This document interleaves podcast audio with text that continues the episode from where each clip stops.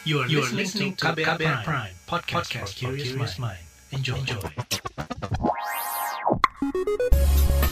Saatnya Anda dengarkan Ruang Publik KBR yang dipersembahkan oleh Yayasan Pita Kuning.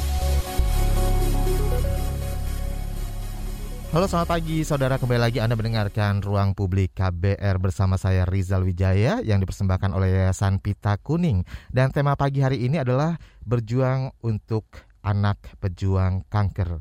Saudara, kanker dapat menyerang anak mulai dari usia bayi hingga usia 18 tahun. Hasil riset kesehatan dasar Riskesdas 2013 menyebutkan prevalensi kanker anak adalah sekitar 16.000 eh, kasus setiap tahunnya. Sayangnya lebih dari 50% kasus kanker anak yang datang ke fasilitas kesehatan sudah dalam keadaan stadium lanjut. Nah, minimnya edukasi dan pengetahuan orang tua mengenai kanker menjadi salah satu penyebab kanker yang diderita anak-anak dalam kondisi stadium lanjut. Padahal apabila eh, dapat terdeteksi secara dini, kanker pada anak dapat disembuhkan dengan pengobatan dan terapi yang baik tentunya. Dan untuk uh, berbincang soal ini, saya akan menghadirkan dua orang narasumber sekaligus dari Yayasan Pita Kuning Anak Indonesia. Ini merupakan yayasan yang membantu anak pejuang kanker dari keluarga prasejahtera dan saat ini Pita Kuning membantu anak pejuang kanker di sejumlah wilayah seperti DKI Jakarta, kemudian Medan, Yogyakarta dan juga Denpasar. Sebelumnya saya akan menyapa terlebih dahulu dua orang narasumber kami yang sudah terhubung melalui aplikasi Zoom pagi hari ini. Selamat pagi Mas Raka Eka Pramudito, Ketua Yayasan Pita Kuning Anak Indonesia. Selamat pagi Mas Raka. Selamat pagi Mas. Salam sehat Mas Raka. Salam sehat, Alhamdulillah sehat. Baik, dan juga kedua adalah Mbak Amalia Astrid Sani, selaku Kepala, Kepala Bagian Pelayanan mm, Yayasan Pita Kuning Anak Indonesia. Selamat pagi Mbak Selamat Amalia pagi, Mas. Astrid. Mbak Astrid ya, saya panggil. Iya. Baik, dan ngomongin soal uh, kanker pada anak ini. Yayasan Pita Kuning secara khusus bergerak atas kepedulian terhadap kanker anak. Kemudian apa sih yang sebenarnya melatar belakangi kenapa Yayasan Pita Kuning Anak Indonesia ini uh, menjadi concern gitu loh terhadap uh, kasus kanker pada anak. Mungkin bisa dijelaskan terlebih dahulu oleh Mas Raka ya. Silakan Mas Raka. Ya, sebenarnya jawabannya sudah dirimu tadi sebutkan ya latar belakang kenapa hmm. prevalensi uh, anak kanker juga cukup besar dan apa namanya kanker pada anak ini isunya juga tidak sebesar uh, kanker dewasa ya. Jadi selama ini yang kami temukan ketika berbicara soal kanker pada anak itu uh, masyarakat selalu bilang oh kanker paru-paru ya, oh kanker uh, apa namanya kanker otak. Jadi masyarakat memang taunya memang kanker anak itu adalah kanker yang disebabkan oleh gaya hidup gitu kan. Jadi itu adalah misleading atau mispersepsi yang yang sebenarnya harus diluruskan. Karena siapa pun dari kita jika kelak kita punya anak atau memang saat ini punya anak kapan pun uh, anak tersebut itu bisa mem, apa namanya mengalami uh, kanker gitu. Karena sampai saat ini tidak pernah ditemukan secara medis penyebab pasti kanker pada anak gitu. Karena setiap tubuh manusia ada tumor terus juga tumor itu kapan pun bisa hidup dengan dengan berbagai macam uh, latar belakang gitu. Nah masyarakat ini nggak tahu tuh soal seperti itu dan yang uh, yang jadi uh, concern kami juga di banyak daerah di Indonesia pun uh, fasilitas kanker pada anak ini juga belum cukup memadai. Jadi uh, padahal kasusnya ini juga cukup tinggi. Uh, kalau misalnya kita buka data di Kemenkes itu uh, kota-kota besar itu juga banyak sekali kanker pada anak, tapi uh, fasilitas penunjangnya juga belum belum cukup memadai. Masyarakat juga nggak tahu mau berbuat apa. Jadi ketika melihat salah satu anggota tubuh anaknya mengalami uh, perbedaan gitu, misalkan ada yang menonjol atau misalnya ada yang memar gitu, dibilangnya ya mungkin penyakit-penyakit bawaan atau mungkin masuk angin, lalu salah penanganan, uh, akhirnya kebanyakan dari uh, kasus kanker pada anak itu ditemukannya sudah stadium tinggi sehingga sulit untuk disembuhkan gitu mas. Oke, jadi eh, minimnya edukasi uh, yang mungkin diketahui oleh masyarakat gitu ya, oleh orang tua anak-anak uh, pada yang mempunyai kanker ini. Nah, ini menjadi tantangan tersendiri dong tentunya bagi Pita Kuning ya Mas. Nah, seperti apa nih perjuangan yang dilakukan oleh Yayasan Pita Kuning untuk anak pejuang kanker selama ini? Iya, jadi memang uh, Pita Kuning uh, masih menjadi yayasan yang membantu membernya uh, atau anak-anak dampingannya secara penuh ya. Uh, kami sistemnya membership. Jadi ketika memang ada anak yang kami bantu itu kami bantu secara penuh uh, dengan tiga kemungkinan, Mas. Uh, hmm. Pertama adalah dia dinyatakan sembuh, uh, sembuh total uh, secara medis. Yang kedua adalah wafat gitu. Jadi ketika proses penyembuhannya adalah uh, beliau wafat.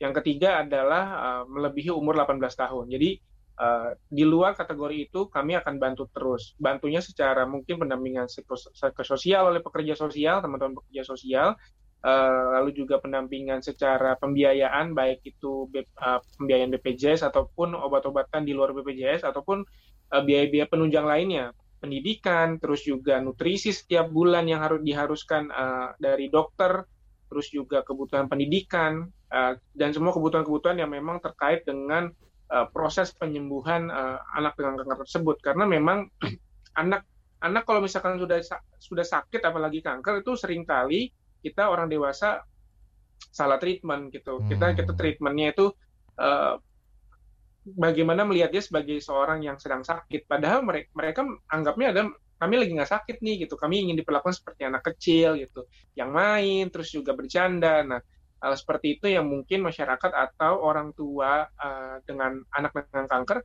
itu nggak tahu. Makanya kami uh, di Pita Kuning membantu saat ini ada 30 anak dampingan, uh, insya Allah menuju 31 ini lagi proses satu orang, uh, itu memberikan edukasi dan juga pendampingan bukan hanya kepada anaknya saja, tapi juga kepada orang tua dan juga keluarganya.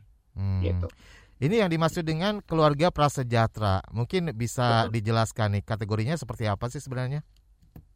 Uh, ketika kami melakukan uh, apa namanya uh, rekrutmen atau membuka peluang untuk siapa nih yang bisa kami bantu, uh, kami uh, dengan dibantu teman-teman pekerja sosial di lapangan itu melakukan asesmen, mas. Uh, sebenarnya hmm. indikator pastinya nggak ada karena memang ada beberapa indikator yang pasti memang di, di di ini ya apa namanya yang dicatat secara aturan yayasan tapi juga kami melihat kondisi-kondisi di lapangan. Jadi uh, mulai dari pekerjaannya uh, apakah dia sektor formal atau uh, sektor informal, terus juga penghasilan orang tua per bulannya berapa sih gitu, apakah cukup untuk uh, pembiayaan kanker karena sebenarnya kanker itu penyakitnya enggak mahal mas, oh, tapi okay. lama dan panjang. Jadi itu yang membuat uh, dia harus berkala gitu kan. Jadi sekali sekali datang ke rumah sakit paling mereka datang 500 atau satu juta untuk untuk pengobatan tapi setiap minggu rutin gitu kan hmm. dan itu bertahun-tahun nah itu yang kami dampingi terus juga apakah memang uh, anak tersebut dalam uh, urgenitas yang uh, sangat tinggi untuk kami bantu misalnya memang uh, dia sudah harus butuh rujukan ke rumah sakit terdekat atau misalnya harus rujukan ke rumah sakit di kota gitu nah itu hal-hal seperti itu yang memang kami melihat apakah memang uh, anak-anak tentunya dengan wilayah kerja kami yang saat ini di empat daerah Jabodetabek, Yogyakarta dan Pasar Medan uh, bisa kami bantu tidak. Oke, nah empat daerah uh, cakupan yang dijangkau oleh Yayasan Pita Kuning. Mengapa uh, concern ke empat daerah tersebut, Mas? Apakah memang angkanya paling tinggi di kota-kota tersebut atau seperti apa latar belakangnya? Ya, kalau dibilang paling tinggi enggak. Uh, pertama soal Jabodetabek karena memang selama 15 tahun ke belakang uh, sejak 2006 kami bergerak di Jakarta dan berusaha untuk uh, melebarkan skup di di daerah sekitar penyangganya gitu. Jadi itu sudah daerah selama 15 tahun kami bergerak. Nah, di tahun ini di umurnya ke 15 tahun kami berusaha untuk memperlebar di tiga daerah yang lain. Alasannya mungkin salah satunya uh, mereka adalah kota-kota dengan angka kanker pada anak yang cukup tinggi, bukan yang tertinggi. Pasti ada hmm. banyak yang tertinggi lain. Tapi alasan kedua adalah fasilitas penunjang, Mas. Okay. Kami nggak mungkin membantu uh, di kota yang fasilitas penunjang baik pemerintah daerah ataupun swastanya nggak memiliki bangsal kanker pada anak gitu karena itu juga pasti akan merepotkan kami kami uh, tidak bisa bekerja sendiri tanpa bantuan teman-teman di medis jadi uh, alhamdulillahnya di tiga kota tersebut selain fasilitas penunjang dari pemerintah daerah ataupun juga swastanya juga cukup memadai juga tersedia juga kami melihat bahwa komunit, banyak komunitas-komunitas masyarakat yang memang ikut terlibat di sana. Banyak hmm. ada yayasan-yayasan kanker pada anak, ada komunitas kanker pada anak juga, ada juga komunitas-komunitas yang fokus pada penyakit-penyakit uh, kritis gitu. Jadi uh, kami tidak bergerak sendiri di kota tersebut dan akhirnya ya? bisa berkolaborasi. Betul. Baik. Uh, dan nanti lebih jauh uh, saya juga akan coba gali lagi uh, bagaimana bentuk dukungan dari pemerintah daerah ya dari daerah-daerah yang disebutkan tadi. Tapi sebelumnya saya ke Mbak Astrid terlebih dahulu nih selaku uh, kepala bagian pelayanan Yayasan Pita Kuning. Nah, ini Mbak Astrid, kalau secara umum bisa diberikan gambaran terlebih dahulu nih, sebenarnya akses layanan dari uh, anak-anak yang memiliki kanker ini seperti apa sejauh ini di Indonesia? Uh, akses layanan di Indonesia ya. Uh, kalau menurut sebenarnya pita kuning itu ada adalah untuk mengisi kekosongan apa yang belum diberikan oleh pemerintah gitu. Hmm. Uh, kalau menurut saya ya sekarang BPJS sudah ada itu sangat-sangat bisa mendukung uh, pemerintah seperti keluarga prasejahtera yang awalnya mereka mungkin susah untuk memiliki akses kesehatan itu sekarang sudah sangat terbantu gitu. Tapi lagi-lagi kalau untuk masalah kanker anak ini uh, memang belum muncul ke permukaan ya. Banyak apalagi sekarang saat pandemi ini orang-orang lebih fokus kepada COVID tentunya gitu. Jadi uh, tentunya terus masalah kanker anak sendiri ini tuh sempat tidak muncul ke permukaan sehingga hmm. sepertinya kita lupa gitu bahwa ada loh adik-adik ini gitu dan apakah sebenarnya mereka itu boleh divaksin atau tidak gitu kita juga belum tahu kan bagaimana gitu. Uh, ditambah sudah sakit kanker lalu dari keluarga prasejahtera uh, jadi sebenarnya cukup kompleks ya masalah ini gitu. Oke. Nah, ini kan dari 31 anak yang uh, dibina, anak dengan uh, kanker gitu ya. Nah, ini tahapan-tahapannya seperti apa sih ketika mereka pertama direkrut oleh Yayasan Pita Kuning? Oke, jadi tadi mungkin sudah sempat dijelaskan oleh Raka sedikit untuk masalah survei dan asesmen dari pekerja sosial ini kita harus melihat dulu indikatornya apakah uh, mereka benar dari keluarga prasejahtera, lalu pekerja sosial melakukan asesmen dan juga survei. Jika mereka memang sudah uh, dan juga uh, harus dilihat apakah mereka itu berumur dari 0 sampai 18 tahun. Karena kan kami hanya uh, membantu adik uh, adik adik kanker ya jadi dari umur tersebut gitu. Lalu dari situ nanti kita lihat dulu seperti apa hasil dari survei dan asesmennya maka dari situ nanti kita bisa uh, juga lihat kebutuhannya nih. Karena kan uh, kebutuhan adik ini berbeda ya masing-masing. Seperti hmm. kebutuhan nutrisi gitu kan. Itu juga sesu semua sesuai dengan rekomendasi dokter. Misalnya mereka uh, minum susu apa terus ada vitamin apa gitu kan. Nanti dari situ baru kita bisa lihat uh, apakah kira-kira kita bisa membantu adik ini atau tidak. Kalau dari ke 31 anak ini nih uh, yang sudah dibina selama ini kira-kira kebutuhan apa nih yang yang paling uh, krusial mungkin yang yang mereka butuhkan? Uh, kebutuhan nutrisi sih sebenarnya, oh. Mas. Uh, hmm. Karena kan lagi-lagi ya mereka itu backgroundnya dari keluarga prasejahtera gitu. Jadi um, untuk memenuhi kebutuhan sehari-hari pun sudah susah, apalagi ditambah dengan harus memenuhi kebutuhan nutrisi adik-adik kanker gitu. Uh, jadi memang itu sangat um, apa ya esensial untuk mereka. Baik. Dan Mbak Astrid bisa dijelaskan jenis kanker yang mereka alami dan bagaimana perjuangan anak-anak tersebut dilakukan se selama ini? Oke, okay, jadi ada beberapa jenis kanker yang dimiliki oleh uh, adik pita kuning gitu, seperti retinoblastoma atau kanker mata, dan juga kanker otot. Tapi yang paling banyak kita temui di adik pita kuning itu adalah leukemia atau kanker hmm. darah gitu. Uh, ada juga adik Eh, dampingan kami dari Pita Kuning yang mana sudah masuk paliatif medis yang artinya adalah semua protokol kemoterapi yang sudah dijalankan itu tidak lagi merespon kankernya gitu mas. Uh, tapi mereka semua tetap semangat, tetap sangat semangat sekali uh, walaupun sekarang mungkin sudah ada aktivitas yang mereka dulunya lakukan seperti main bola ya sudah tidak bisa lagi hmm. ataupun mereka sekarang harus uh, sering bolos sekolah karena harus ke rumah sakit begitu. Atau apalagi ditambah dengan pandemi ini mereka jadi semakin terbatas kegiatannya kan. Uh, tapi mereka tetap tetap semangat bahkan ada beberapa orang tua yang sempat cerita dengan saya gitu bahwa adik-adik inilah yang menguatkan mereka supaya orang tua ini tidak sedih Hmm, baiklah. Kita akan jeda terlebih dahulu, nanti kita akan teruskan dan uh, saya juga akan gali terus ya untuk uh, tema kita pagi hari ini yaitu berjuang untuk anak pejuang kanker bersama Yayasan Pita Kuning Anak Indonesia. Masih Anda dengarkan Ruang Publik KBR yang dipersembahkan oleh Yayasan Pita Kuning.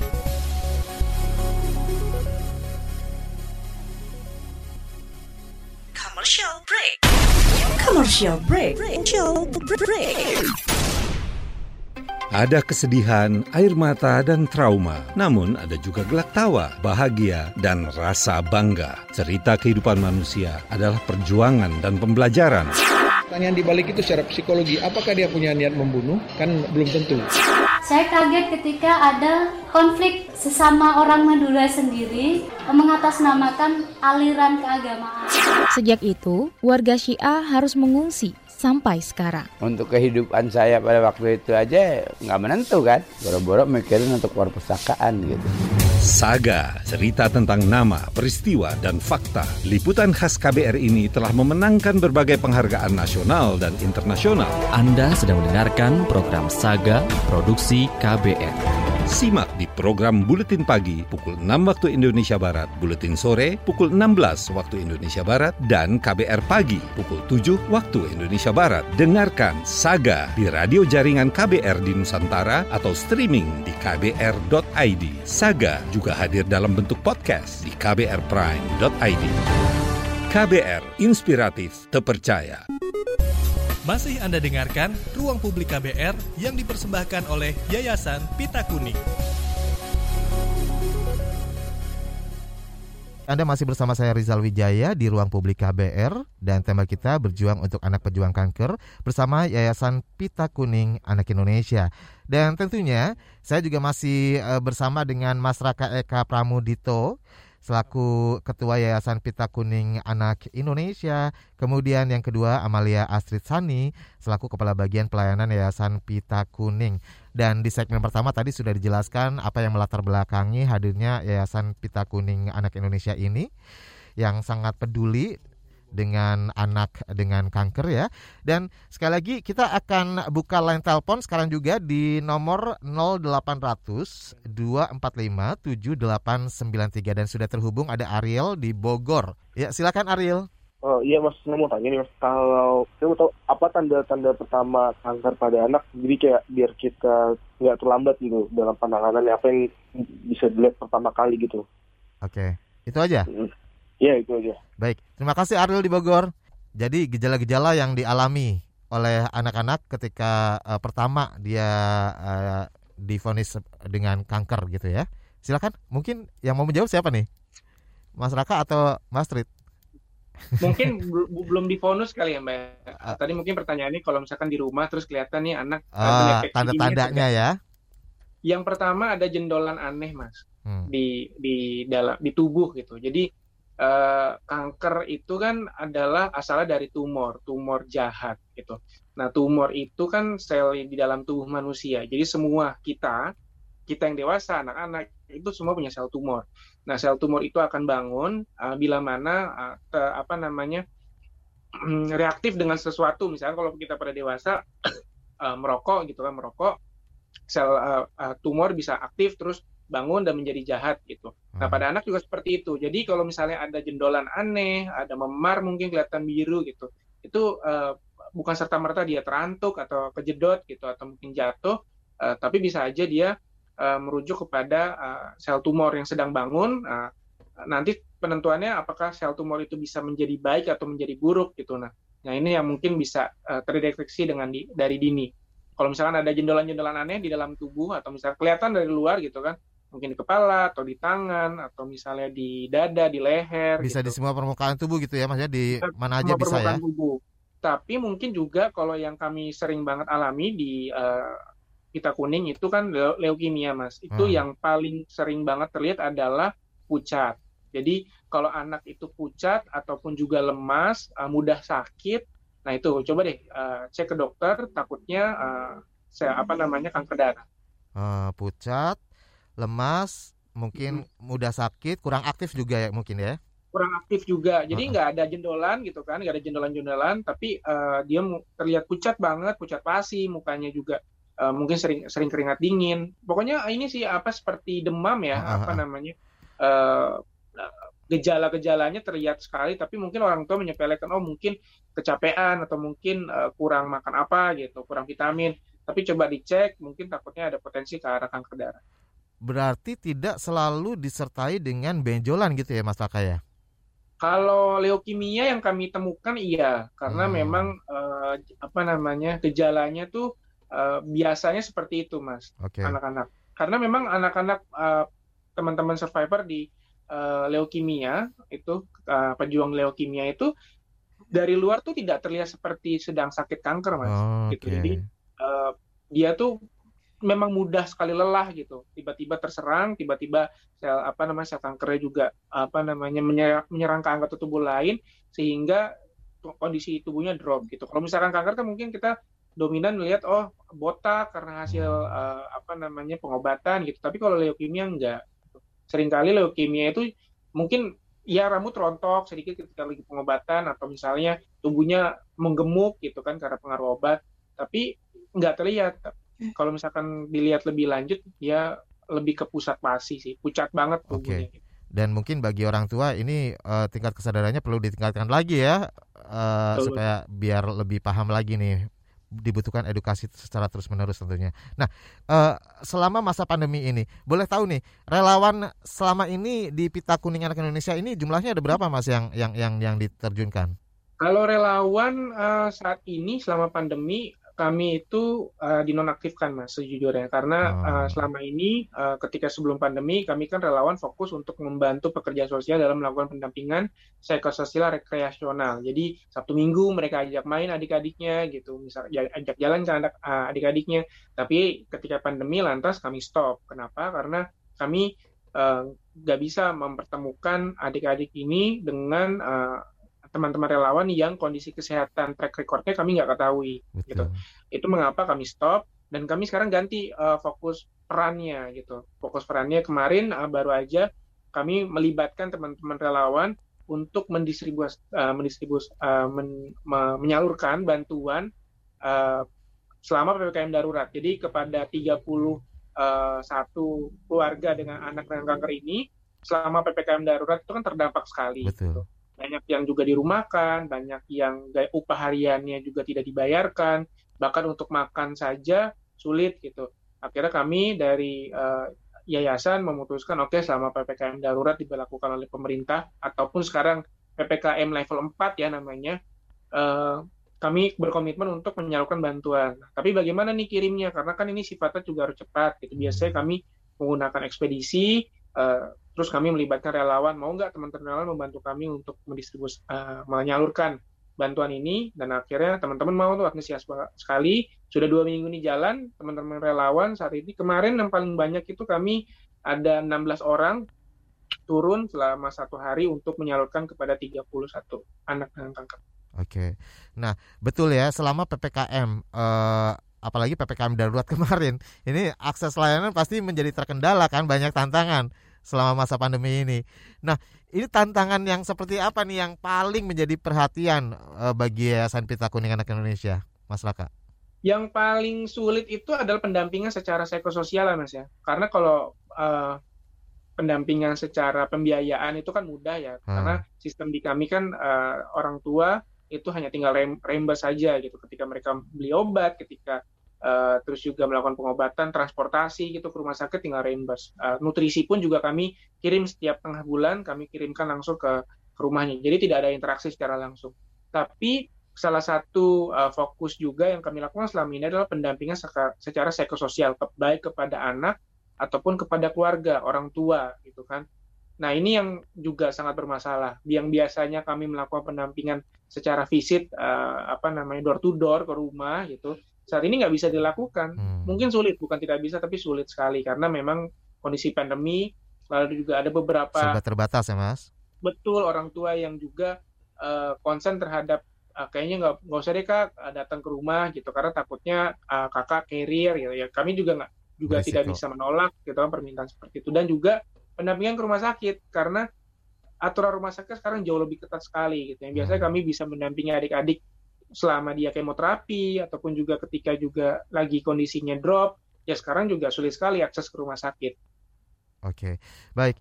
Dan Mbak Astrid, tanggal 23 Juli tahun ini, baru kemarin ya, eh, kita merayakan Hari Anak Nasional ini tentu menjadi eh, satu momentum nih. Pita Kuning mengadakan edukasi kelas online dan kelas dongeng.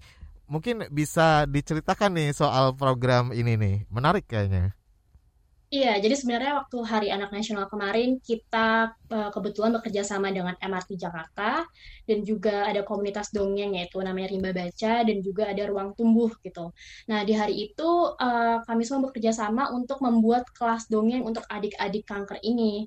Uh, tapi itu tidak hanya kelas dongeng aja, tapi juga ada crafting gitu, seperti uh, mewarnai dan juga menghias di kertas yang telah disediakan gitu. Mereka sih sangat excited sekali ya sebenarnya, karena kan uh, sebenarnya cukup lama, mungkin sudah sudah beberapa bulan juga dari Pita Kuning karena tidak ada program untuk adik-adik gitu kan karena pandemi ini.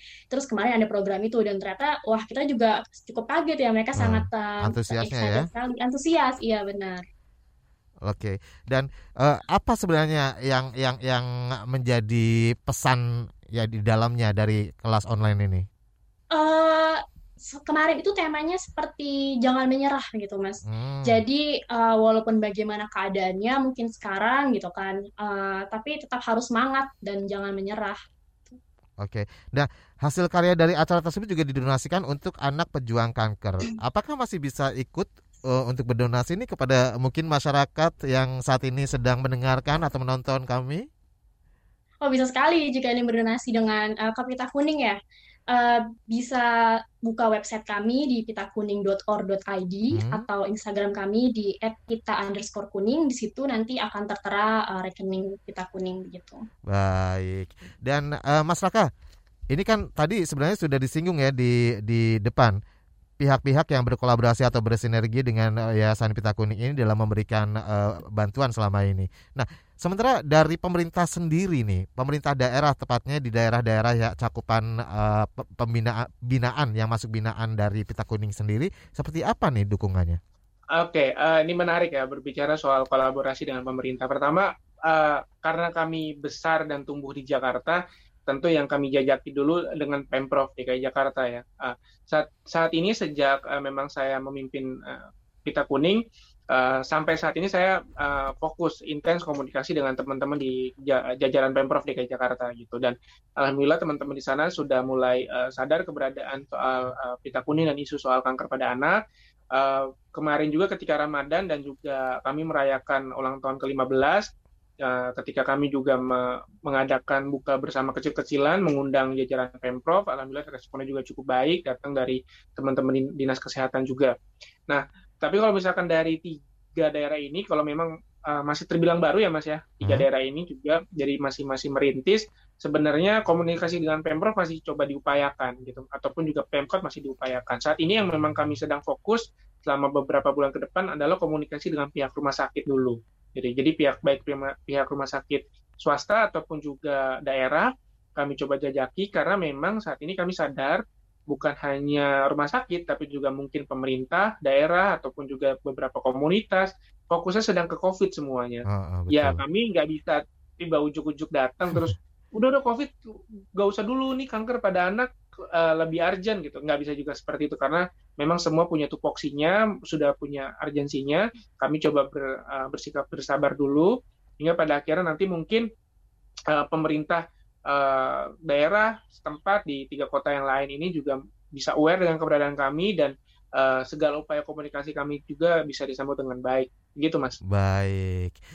Dan ada pertanyaan juga, tapi nanti dijawabnya setelah jeda ya Mas ya. Dan Mbak dari Bimo Bramantio, kanker merupakan eh, memang merupakan isu yang sangat kompleks di Indonesia. Bagaimana peran orang tua bisa melakukan antisipasi atau pencegahan untuk meminimalisir risiko kanker pada anak? Ini melalui YouTube live chat kita ya di eh, Berita KBR. Kita akan kembali setelah jeda berikut ini. Masih Anda dengarkan Ruang Publik KBR yang dipersembahkan oleh Yayasan Pita Kuning. Anda masih bersama saya Rizal Wijaya di ruang publik KBR. Kita masih ngobrolin soal berjuang untuk anak pejuang kanker bersama Yayasan Pita Kuning Anak Indonesia dan tentunya masih bersama masyarakat Eka Pramudito ya. Ini selaku Ketua Yayasan Pita Kuning Anak Indonesia. Kemudian Mbak Amalia Astrid Sani selaku Kepala eh, Bagian Pelayanan Yayasan Pita Kuning Anak Indonesia. Nah, sebelum jeda tadi ada pertanyaan dari melalui live chat YouTube ada dari Bimo Pramantio. Kanker memang merupakan isu yang sangat kompleks di Indonesia. Bagaimana peran orang tua bisa melakukan antisipasi, pencegahan untuk meminimalisir risiko kanker pada anak? Nah, silakan boleh dijawab, Mas Raka. Oke, uh, berbicara soal pencegahan kanker pada anak ya, uh, merujuk memang pada akhirnya kanker pada anak itu belum bisa dideteksi gitu penyebabnya apa. Uh, jadi yang bisa kita lakukan adalah pencegahan-pencegahan dininya. Seperti apa? Pertama dari kita dulu orang tua nih. Uh, sebel, bahkan jauh sebelum kita menjadi orang tua, Mas. Hmm. Ketika, uh, ketika seumuran saya ataupun juga Mbak Astrid, orang anak-anak muda gitu yang sadar bahwa ke depannya mereka akan menikah dan juga mungkin menjadi orang tua.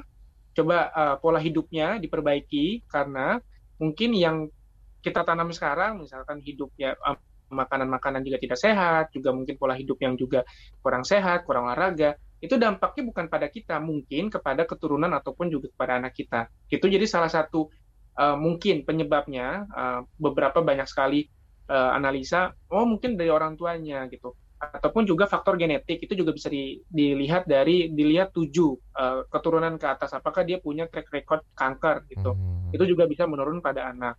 Tapi di luar itu semua kita harus menjaga uh, diri kita. Mungkin setelah kita punya anak juga uh, melihat nutrisinya apakah terjaga, lingkungannya, apakah orang tuanya merokok atau tidak. Itu juga bisa um, uh, membangunkan sel tumor tadi, terus hingga pada akhirnya sel tumor menjadi tumor jahat dan juga menjadi kanker. Terus lingkungan yang lain, apakah makanan yang disediakan, apakah memang ada uh, bahan pengawet, hal-hal yang lain gitu, dan juga pola hidupnya, apakah memang diajarkan uh, pola hidup sehat sejak dini, banyak banyak yang bisa kita lakukan, tapi uh, pada akhirnya itu tadi uh, ketika kita melakukan yang terbaik, bukan berarti juga bisa terbebas dari uh, kanker pada anak gitu. Oke, baik.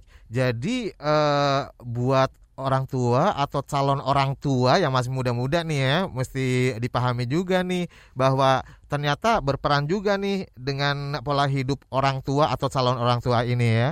Mesti betul, diperhatikan betul, banget. Nah, dari Maharesi Unggul, bagaimana urgensi Indonesia terhadap kanker pada anak? Apakah pengetahuan atau edukasi terhadap masalah ini sudah cukup di masyarakat? Uh, ini berat juga nih pertanyaan karena memang sesungguhnya sesungguhnya kalau berbicara soal Indonesia sekarang fokusnya tentu lagi COVID, gitu COVID. Gitu kan. Nggak ada COVID aja kanker pada anak isunya juga nggak masuk ke nggak naik ke permukaan gitu ya. Betul nggak naik ke permukaan. Uh, paling mudah adalah lingkungan dari eh, anak-anak uh, yang kami dampingi aja. Hmm. Jadi lingkungannya aja, tetangga-tetangganya mereka tuh nggak tahu ketika memang menemukan uh, kondisi ada anak yang kami dampingi misalnya botak karena hasil kemoterapi. Kok perempuan botak? Nah hmm. itu kan nggak tahu tuh mereka bahwa mereka uh, si anak ini juga sedang berjuang pada kanker gitu. Nah hal seperti itu uh, juga menjadi tanggung jawab kita kuning untuk memberikan edukasi bukan hanya kepada keluarga tapi juga lingkungan sekitar karena lingkungan sekitar itu juga berperan besar dalam proses penyembuhannya. Nah ini makanya kalau misalnya ada masyarakat kita semua uh, mungkin melihat tetangga kita yang mungkin melihat keanehan pada anak rekan tetangga ataupun juga kerabat kita coba deh uh, berikan dukungan-dukungan moral yang mungkin bagi kita sederhana, tapi itu bagi, dampak bagi pengobatannya cukup cukup ini efektif untuk penye proses penyembuhannya. Hmm. Oke, okay. baik. Dan uh, tadi kan uh, sempat disinggung nih, dengar-dengar Pita Kuning juga mau memperluas layanan di tiga kota baru ya di mana saja nih? Apakah uh, sudah dimulai kegiatan pendampingan di kota tersebut? Seperti apa nih Mas Raka? Nah ini Mbak Astrid yang bisa jawab. Oh Mbak Astrid ya, silakan Mbak Astrid. Iya, jadi tadi Mas Raka udah sempat mention juga ya Betul. bahwa cuma belum kan nyebut nama kotanya. Nah, tiga kota ini. Jadi pertama ada kota Yogyakarta, lalu kemudian ada Denpasar dan juga ada Medan gitu. Hmm, okay. Kita memang uh, ini Eh, sesuai dengan pertimbangannya karena tiga kota ini memiliki uh, rumah sakit yang ada bangsa kankernya gitu mas hmm. dan memang ini biasanya uh, orang-orang ke sana adik-adik ke sana itu untuk berobat uh, berobat di rumah sakit ini emang rumah sakit cukup besar gitu untuk berobat untuk menangani uh, adik-adik kanker gitu dan kalau sampai mana progresnya uh, karena memang tadi juga udah sempat disinggung oleh Raka ya, ini kita benar-benar memulainya dari nol gitu. Jadi memang dibilang um, cukup sulit ya karena ya itu kita mulai dari nol untuk mencarinya juga susah. Dan ternyata memang kebanyakan um, uh, adik-adik ini tuh mereka datang ke kota ini hanya untuk berobat. Jadi ternyata rumahnya di misalnya kalau di Denpasar itu rumahnya di Singaraja yang 4 jam oh. dari Denpasar. Lalu mereka datang ke Denpasar ini hanya untuk berobat seperti itu. Tapi kita sebenarnya kalau di Yogyakarta sudah menemukan satu sih. Sudah menemukan satu dan sudah bisa kami dampingi di minggu ini Gitu. Oke. Dan uh, tentunya makin dibutuhkan relawan semakin banyak ini ya. Apakah ada uh, sudah dibuka rekrutmennya untuk relawan ini Mbak di kota-kota tersebut? Kemudian relawan ini nantinya akan bertugasnya seperti apa? Oke, okay. uh, sebenarnya kami sudah memikirkan proyek yang tepat untuk relawan ini ya di tiga kota tersebut karena kan memang kita harus mematangkan juga planningnya untuk relawan ini seperti apa gitu dan kalau sekarang sih memang fokusnya untuk pencarian adik uh, adik pejuang kanker di sana ya okay. jadi kalau untuk relawan ini sih masih belum sih tapi ke depannya akan akan dibuka gitu. Hmm. Nah, sebenarnya kalau sejauh ini nih yang yang sudah dilakukan di DK eh, Jabodetabek ya, Jabodetabek. Uh, ada pembekalan yang dilakukan khusus kepada para relawan ini seperti apa sih dari Yayasan Pita Kuning? Oke, okay. kalau sebelum pandemi memang karena relawan ini fungsi mereka untuk mendampingi adik-adik ini, jadi uh, kami memberikan pembekalannya itu dengan uh, pembekalan ini pendampingan psikososial begitu. Hmm. Cuman karena saat pandemi kan ditiadakan, jadi mereka hanya mendampingi secara virtual, main-mainnya juga dengan secara virtual gitu, uh, ibaratnya mensupport adik ini gitu dengan secara virtual. Jadi uh, tidak ada lagi. Dan sekarang kalau sekarang ini memang tadi yang sudah Raka sebutkan juga relawan ini uh, dialihkan istilahnya fungsinya ya untuk membantu kegiatan operasional seperti pembelian sembako dan okay. juga pendistribusian sembako saat ppkm ini. Masih terus dilakukan ya hingga saat ini ya? Iya, alhamdulillah. Baik. Dan uh, Mas Raka, bisa di-share dong ke pendengar kita pagi hari ini. Ada nggak sih pengalaman mungkin ya yang membahagiakan atau yang mengharukan atau yang mungkin membuat menguras air mata. Ini kira-kira bisa dijelaskan atau diceritakan di talk show ruang publik pagi hari ini silakan. Wah, kalau pengalaman sih sebenarnya uh, banyak ya, terutama kedukaan kali ya. Uh, kedukaan. Karena karena kalau berbicara soal senangnya karena uh, senang aja kerja bisa bekerja di sebuah yayasan yang memang eh, nggak uh, banyak orang tahu soal isunya jadi uh, kami di yayasan itu senang sekali uh, ngajari orang mengajarkan bahwa ini ada isu yang menarik terus ketika orang mulai mulai tertarik rasanya senang aja bahwa oh orang ini pun dapat pengetahuan baru gitu tentang kanker pada anak gitu. Kalau kalau pengalaman sih sebenarnya banyak sekali ya yang mungkin terbilang uh, mengharukan. Kayak terbilang bahwa saya sebagai seorang uh, pria yang ya menuju pria dewasa gitu, uh, sejak bekerja atau in charge di, di yayasan kanker uh, anak ini juga tahu jenis-jenis kanker, uh, terus juga yang dialami sama kanker. Ada satu jenis kanker namanya Yorkshire tumor, mas. Yorkshire tumor. Nah, jadi Yorkshire tumor itu istilahnya uh, kanker buah zakat. Jadi saya ketika mengetahui soal kanker tersebut, belajar soal kanker tersebut, saya membayangkannya aja sudah meng, sudah, ngilu gitu. Saya bermain bola kena di daerah vital saja sudah sudah ngilu. Dan kami punya anak dampingan itu, ada dua orang yang kami dampingi untuk yosak tumor dan membayangkan anak umur lima tahun, enam tahun dengan uh, ketika satu uh, buah zakarnya harus diambil dan dia harus hidup dengan satu buah zakar itu cukup cukup uh, berdiskusi dengan orang tuanya gimana ya si Ade nanti ketika dewasa apakah dia percaya diri atau tidak. Nah ini yang juga uh, kami di Pita Kuning juga uh, apa ya juga konsen kan gitu ya untuk pendampingan secara psikososial kepada orang tua. Juga ketika uh, mengalami masa-masa kedukaan. Jadi jadi pernah di di satu masa selama tiga minggu berturut-turut uh, saya mengalami ditinggal tiga orang anak gitu. Jadi berpulang di minggu pertama berpulang di tengah malam, tepat satu minggu setelahnya berpulang lagi, tepat satu minggu setelahnya berpulang lagi. Jadi mengalami itu Beruntun, ya. cukup ya? traumatis ya, cukup traumatis karena aduh membayangkan bahwa ini adik-adik gue dan dan kami di di di kantor merasa belum bisa melakukan yang maksimal sehingga ada rasa bersalah gitu meskipun hmm. kami juga nggak bisa menyalahkan diri kami karena ini juga mungkin sudah sudah waktunya ya yang ditentukan dari yang di atas tapi bagaimanapun juga bekerja di sebuah isu yang cukup uh, vital gitu yang kami selalu bilang pekerjaan kami taruhannya nyawa orang gitu hmm. nah ini yang juga terus memotivasi kami untuk bekerja dua hingga lima kali lebih keras setiap harinya Baik, dan mungkin tidak banyak orang tahu gitu ya di luar sana. Baik, Mbak Citra juga pasti mengalami hal yang sama ya. Pengalamannya cuma sedikit berbeda mungkin kalau diceritakan. Tapi eh, tahan dulu, kita akan kembali setelah jeda karena kita akan masuki bagian akhir nanti nggak berasa loh udah hampir satu jam. Dan ini juga merupakan salah satu program dari Yayasan Pita Kuning Indonesia untuk eh, Yayasan Pita Kuning Anak Indonesia untuk sosialisasi kepada masyarakat dan kita akan kembali setelah jeda berikut ini. Masih Anda dengarkan Ruang Publik KBR yang dipersembahkan oleh Yayasan Pita Kuning.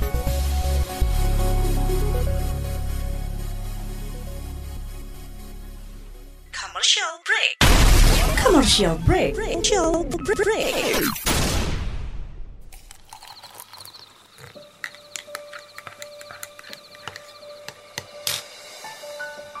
Hai, kamu apa kabar? Masih suka menikmati senja dan kopi? Aku masih ingat kebiasaan kita. Sehabis pulang kerja, selalu mencari tempat untuk sekedar ngobrol dan ngopi. Tapi kadang kita kehabisan bahan obrolan.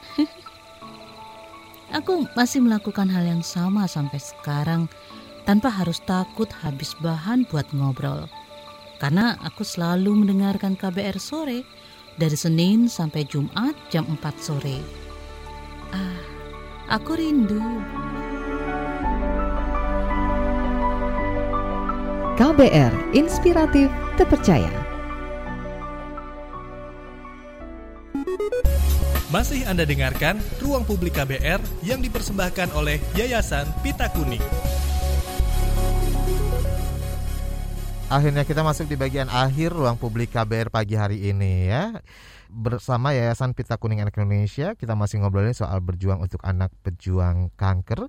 Dan masih bersama dua narasumber kami yang masih muda-muda tapi semangatnya luar biasa ya. Apalagi kepeduliannya nih kepada uh, anak-anak Indonesia dengan kanker. Baik, dan ada Raka Eka Pramudito selaku Ketua Yayasan Pita Kuning Anak Indonesia, kemudian Mbak Amalia Astrid Sani selaku kepala kepala uh, bagian pelayanan Yayasan Pita Kuning Anak Indonesia. Dan ada beberapa pertanyaan juga yang sudah uh, banyak banget masuk sebenarnya melalui WhatsApp ya, tapi uh, saya akan bacakan nanti dan ada juga penelpon yang sudah menunggu. Tapi sebelumnya saya uh, pengen tahu juga nih pengalaman dari uh, Mbak Astrid. Kalau tadi kan dari Mas Raka nih, mungkin ada pengalaman yang bisa dibagikan yang bisa menginspirasi pendengar-pendengar uh, kita nih yang saat ini mendengarkan. Oke, okay. uh, jadi saya waktu itu saya sempat berkunjung ke rumah adik um, adik pita kuning ini ya. Lalu di mana waktu itu ibunya bercerita kepada saya, iya jadi uh, adik pita kuning ini waktu itu waktu berumur enam tahun tuh sangat semangat sekali ingin sekolah masuk SD gitu, udah nggak hmm. sabar pakai baju merah putih gitu kan. Terus dia juga melihat teman-temannya sudah mulai sekolah gitu kan. Namun tiba-tiba tidak lama kemudian setelah itu dia difonis terkena kanker yang di mana kankernya itu sudah sampai ke bagian otaknya. Jadi yang tadinya dia bermain dengan teman-temannya biasa aktif bermain dengan teman-temannya, suka kalau mamanya cerita suka iya ke warnet gitu kan mainan uh, mainan PlayStation dengan teman-temannya, bermain bola gitu kan. Lalu akhirnya sampai sekarang dia berumur 11 tahun dia belum bisa masuk sekolah gitu. Hmm. Uh, dan di situ uh, orang tuanya sempat yang sangat sedih ya karena melihat perubahan di adik ini yang sangat berbeda gitu kan. Dan sekarang dia sudah menutup diri yang di mana tadinya dia uh, misalnya ada temannya datang ke rumahnya ngajak main yuk main yuk gitu. Tapi dia yang kayak nggak mau karena dia ngerasa dia ngerasa dirinya bahwa dia sudah seperti bukan dia yang dulu gitu. Dia merasa, merasa bahwa dia sudah gitu berubah. Gitu ya? Iya merasa insecure dan menutup diri. Jadi uh, sekarang memang dia menghabiskan waktunya untuk di rumah aja bersama orang tuanya. Lalu ada saat di mana juga um, mamanya ini cerita bahwa ternyata adiknya ini sangat bijaksana sekali. Bahkan adiknya ini yang menguatkan namanya yang bilang nggak apa-apa mah gitu. Memang hmm. aku sudah ya ditakdirkan seperti ini gitu. hmm. ya cukup cukup. Waktu itu ya, aku cukup dengernya uh, aja merinding Mm-mm, bener bener banget gitu. Terus uh, apalagi kan tadi kita juga sempat bahwa mereka tuh um, datang dari keluarga prasejahtera kan. Hmm. Lalu uh, ibunya yang sempat sedih juga mungkin karena belum bisa memberikan nutrisi yang tepat ya untuk adik-adik ini. Uh, tapi lalu di lagi-lagi adik ini menguatkan ibunya dan Yo, bilang nggak apa-apa mah kalau untuk masalah rezeki itu sudah diatur karena aku yakin pasti kita akan akan datang pasti akan ada selalu saja orang yang menolong gitu dan dia sempat sempat juga bilang seperti ini kalau misalnya nanti mama dan papa sudah tidak ada gitu. Uh, lalu aku uh, uh, aku aku bisa kok mah hidup sendiri gitu. Karena ibunya kan selalu sempat berpikir bagaimana ya kalau misalnya saya dan suami saya sudah tidak ada siapa yang akan mengurus dia? Gitu. Hmm. lalu dia bilang ya aku aku harus bisa mengurus diri aku sendiri mah karena aku nggak bisa merepotkan orang lain gitu. Bayangin mas umur 11 tahun gitu. Luar bisa biasa loh kata ya Allah Iya. Ini untuk aku... me, me, menanggung bebannya aja nih dengan kankernya aja ini udah sangat berat gitu ya. Tapi dia ternyata mempunyai kekuatan yang sangat luar biasa. Tapi sebelumnya saya akan terima telepon dulu nih dari Cynthia di Jakarta. Selamat pagi. Pagi kak. Ya. Ya, ya aku mau bertanya kak. Uh, kan terkait tadi yang dibilang uh, dari Sensita Kuning uh, masih banyak orang yang belum tahu tentang uh, penyakit dari sosialisasi tentang uh, kanker, kanker pada, pada anak. anak mungkin uh, dari pita kuning ada solusi kah untuk eh, orang-orang di sekitar kita biar lebih warna sama isu ini? Apakah mengadakan webinar atau mungkin hal yang lain gitu? Oke. okay. baik. Terima kasih Cynthia. Nah uh, mungkin ke masyarakat nih kalau ini nih. Dalam waktu dekat ini adakah mungkin program edukasi atau sosialisasi kepada masyarakat? Uh, dalam waktu dekat ini sebenarnya memang kami lebih fokus ke internal dulu ya, hmm. karena memang uh, adik-adik yang kami dampingi jumlahnya cukup banyak dengan jumlah pendamping yang juga nggak terlalu banyak juga. Kami hanya punya lima pekerja sosial hmm. dengan jumlah 31 anak dampingan gitu. Jadi sebenarnya uh, bagaimana bisa mensosialisasikan kepada masyarakat soal isu ini sebenarnya dengan cara yang paling mudah gitu teman-teman pendengar KBR ini ketika sudah tahu soal isu kanker anak uh, mulai dia buka obrolan tuh di meja makan gitu. Jadi yang diobrolin jangan hanya soal COVID gitu kan, dan juga angka COVID yang naik ataupun uh, eh, UGD yang penuh gitu. Coba angkat isu soal kanker pada anak gitu. Kalau misalnya tertarik bisa follow kami di akun Instagram kami kita underscore kuning, uh, kita underscore kuning dan uh, di sana teman-teman bisa diskusi, colek aja uh, adminnya mau ngadain mi, uh, kak mau kita bikin webinar yuk gitu. Atau misalkan uh, bikin diskusi sama teman-teman di kampus kami itu boleh banget gitu. Karena Baik. kami juga punya tanggung jawab untuk uh, mengedukasi masyarakat. Dan biasanya anak-anak muda ya kami ini kami selalu ada joke sebenarnya di di kantor. Kami adalah mungkin saat mungkin ya mas. Mungkin satu-satunya yayasan kanker anak yang isinya anak-anak muda. Rata-rata usia kami 20 tahun. Hmm. gitu. Jadi uh, teman-teman uh, teman-teman uh, sebaya ataupun yayasan kanker pada anak yang lain itu biasanya uh, ibu-ibu ataupun juga bapak-bapak ataupun juga juga yang dibina oleh kementerian gitu. Tapi kami ini yang bisa mengkomunikasikan uh, isu kanker anak ini dengan cara yang cara yang beda gitu. Lebih light mungkin ya. Betul, uh. lebih lebih anak muda. Mungkin kalau misalnya buka buka YouTube kami gitu, kami juga banyak yang ngambil ini kanker anak kok. Jadi nggak jadi nggak horor gitu ya nggak iya, nggak berat gitu loh. Nggak berat gitu. Jadi karena memang pembina kami Mas Panji kan juga komedian gitu kan. Dia selalu bilang ya kita harus beda gitu. Okay. kita harus komunikasikan ke masyarakat dengan cara beda sehingga uh, masyarakat juga uh, terikat dengan isu ini gitu. Nah ini hmm. mungkin teman-teman jangan bilang bahwa oh kanker tuh berat ah iya, nggak betul. ngerti. Lah sesungguhnya saya Mbak Astrid pun juga bukan latar belakangnya kesehatan. Saya visip Mbak Astrid juga visip gitu kan.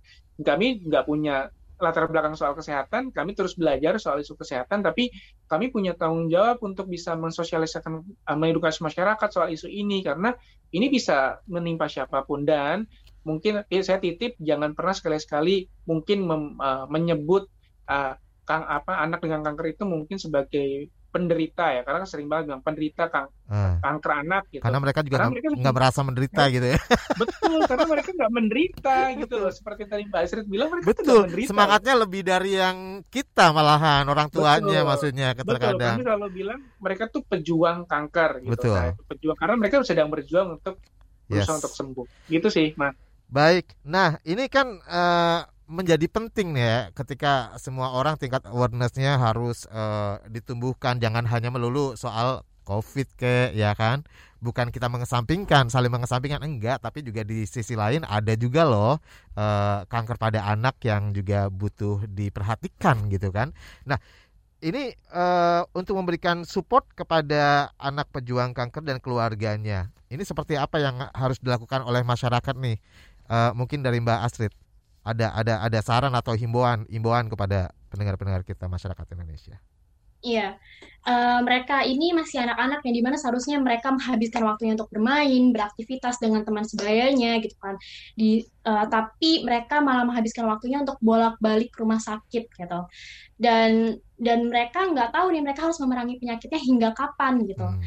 Uh, dan dengan uh, ditambah dengan keterbatasan finansial dan juga uh, sosial dan kesehatan gitu uh, yuk mari sama-sama gitu kita peduli lebih peduli dengan isu kanker ini terutama isu, isu uh, kanker terhadap anak gitu dan kalau misal dan pita kuning itu sangat terbuka sekali loh untuk menerima support dari kalian semua. Bagaimana sih caranya? Yuk ikut kegiatan dengan kami. Kalau kami mengadakan webinar uh, pada saat pembukaan relawan juga kalian uh, boleh ikut uh, ber, ikut membantu dan menyupport adik-adik ini dan juga terutama ikut berdonasi okay. pita kuning karena dengan sedikit yang kalian berikan kepada kami itu sangat berarti untuk adik-adik ini gitu. Baik. Gimana sih caranya?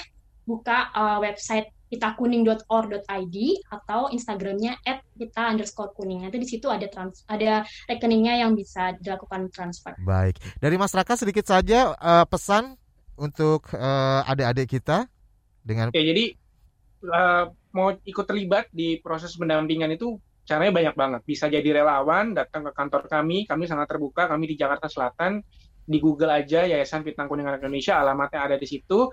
Ada nomor telepon juga atau misalkan kalau misalnya dirasa sulit bisa reach out kami di okay. uh, eh, pita underscore kuning ataupun juga teman-teman bisa ikut terlibat dengan donasi. Nggak usah nggak usah banyak-banyak. Teman-teman tahan untuk nggak beli kopi aja satu hari lalu donasikan kepada pita kuning.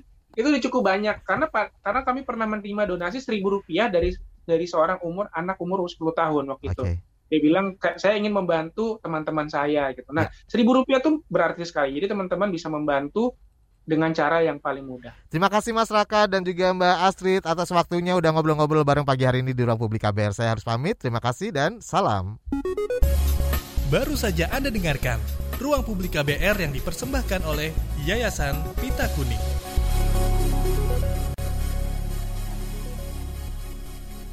KBR Prime, cara asik mendengar berita. KBR Prime, podcast for curious mind.